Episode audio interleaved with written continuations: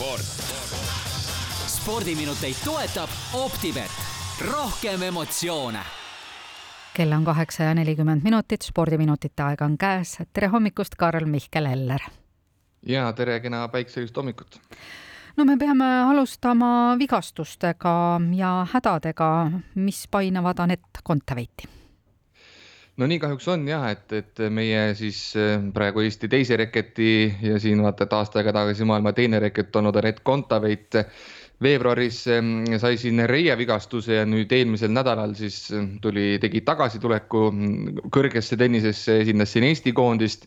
Võttis ka siin eh, noh, mitu võitu ikkagi, küll eh, need tulid siin noh, maailma teises, kolmandas ja neljandas sajas olevate tennisistide vastu, aga noh, nii-öelda eksperdid arvasid ka, et iseenesest on ju hea, et saabki ju tagasi tulla siis eh, noh, nii-öelda nendes matšides, kus ta ongi selge favoriit ja saab oma mängu uuesti mängima hakata. aga otsustavas mängus siis, kui Eesti mängis selle peale, kas pääsetakse nii-öelda esimesse tugevusgruppi või jätkatakse teises seal siis ta kreeklannale pidi alla vanduma ja Eesti koondise siis kapten Märten Tamla ka ütles siin, et Kontaveiti hakkasidki sellel mängul häirima nii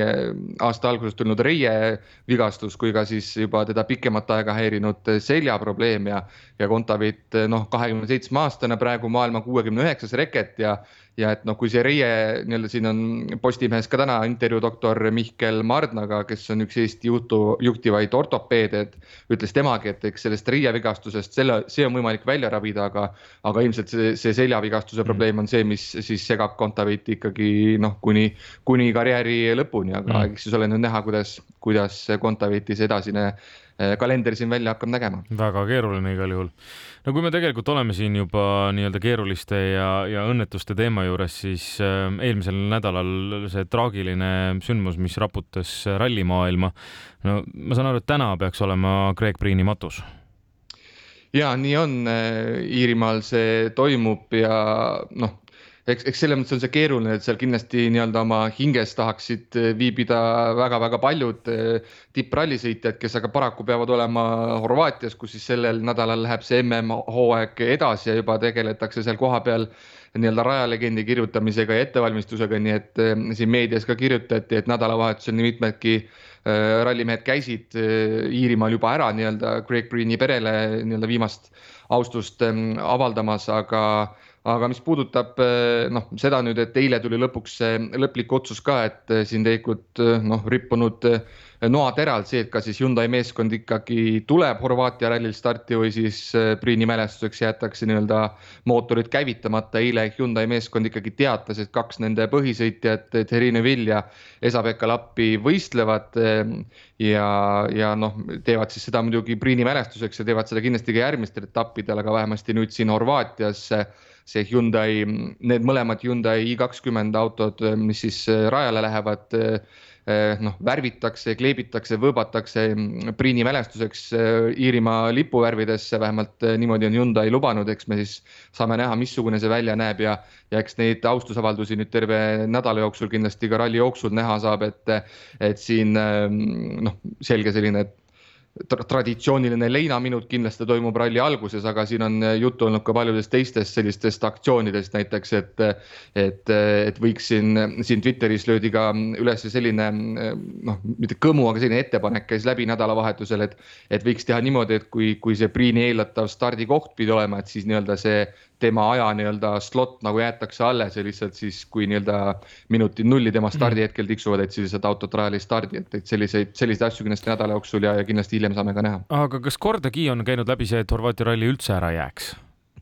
ega ta otseselt läbi pole käinud, aga noh, ütleme, et eelmise nädala lõpus, noh, neljapäeval see kurb sündmus juhtus, et kindlasti esimestel päevadel ütleme sellist, noh, kuna ei tulnud kohe kinnitust, et ralli toimub, siis kindlasti tekkis küsimus, et miks seda ei ole tulnud. aga, aga jah, põhimõtteliselt ma arvan, et ka sellist nagu mure ei tekkinud, et see ralli peaks ära jääma, noh, sest et me ju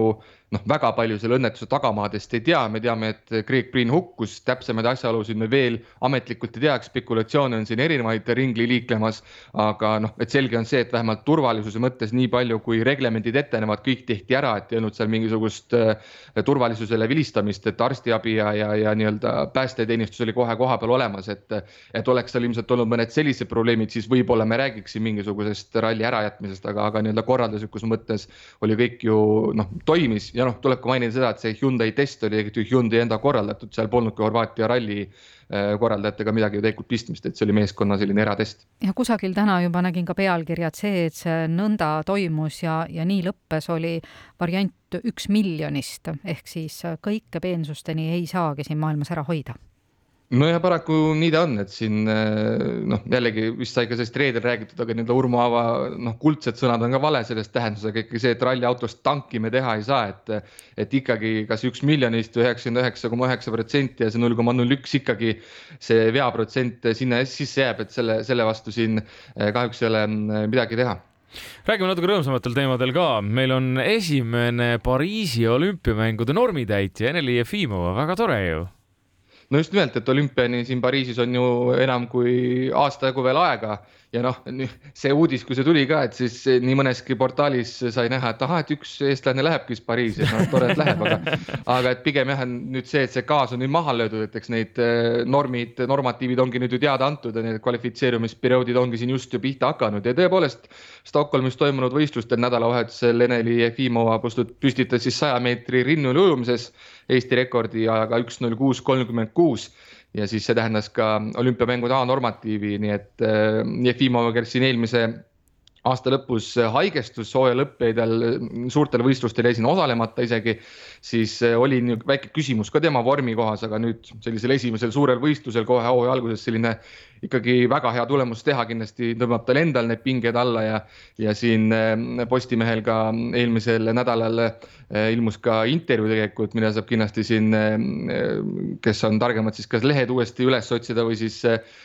lugeda internetist, et Jefimova treener siin võttis ka sõna, Henri, Henri Hein ja ütles, et, et kindlasti Enelil nii-öelda see tipuni on veel minna kõvasti, et arenguruumi kuueteistkümne aastasel Jefimoval on, et just nimelt see vanus kindlasti on vaja siin toonitada, et, et ta on tegelikult -hmm. alles kuusteist, et tegelikult -hmm. päris pikalt on veel kindlasti minna. no kena, lipukandja on Pariisis meil vähemalt olemas, olgu teistega, kuidas on Eesti lipp marsib olümpiamängudel ja ujub ka. Äh, aga jalgpallist veel lõpetuseks, äh, meistrite liiga mängud jätkuvad, kordusmängud on täna ja kui nüüd vaadata tagasi sellele, millised olid esimesed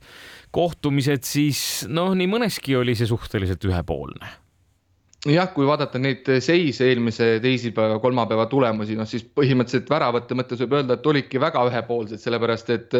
noh, ainult üks meeskond igas mängus väravaid lõigi, et, et siin näiteks Madrid Real versus Chelsea jäi meil kaks-null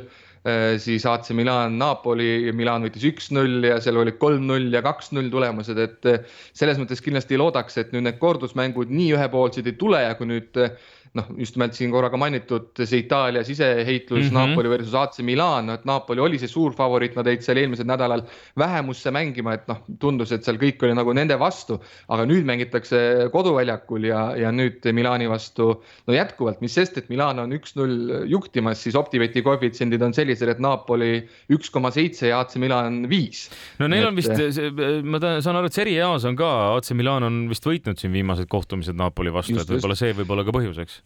just, just, aga noh, jällegi kui vaatad, mis siin äh, Kihlveo kontorid arvavad, siis ikkagi ollakse selgelt Itaalia meistritiitli suunas äh, nii-öelda purjetava meeskonna taga, et eks siis, eks siis ole näha, mis siis täna, täna õhtul saama hakkab ja täna siis see teine mäng, noh, eelduslikult võib tulla selline ühepoolsem, samas mm -hmm. jällegi Eh, Chelsea, noh, ütleme Real tegi kodus omad asjad ära, kaks väravat löödi ja tegelikult eh, kui nüüd vaadata Optibeti koefitsiente tänaseks mänguks, siis Chelsea'l on see kaks koma üheksakümmend viis ja Real Madridil kaks koma kolm, aga no me räägime siin selle konkreetse mängu kohtumisest ehk selle võibki Chelsea võita, aga kui nad võidavad selle üks-null või, või ma ei tea, siin eh, näiteks kaks-üks, et siis sellest pole enam väga vahet, sest et Real läheb ikkagi poolfinaali edasi ja, ja tegelikult ju kolmapäeval järgmised mängud meil Milano Inter, Benfica, no seal suured tõenäosusega Inter vormistab asja ära, mis tähendab siis äh, seda, et äh, Inter läheb siis äh, vastamisi meil no kas siis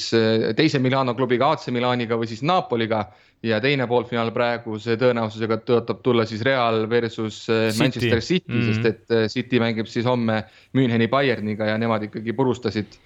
kodus kolm-null siis mm. Saksamaa klubi. ja no City on ikka väga heas hoos hetkel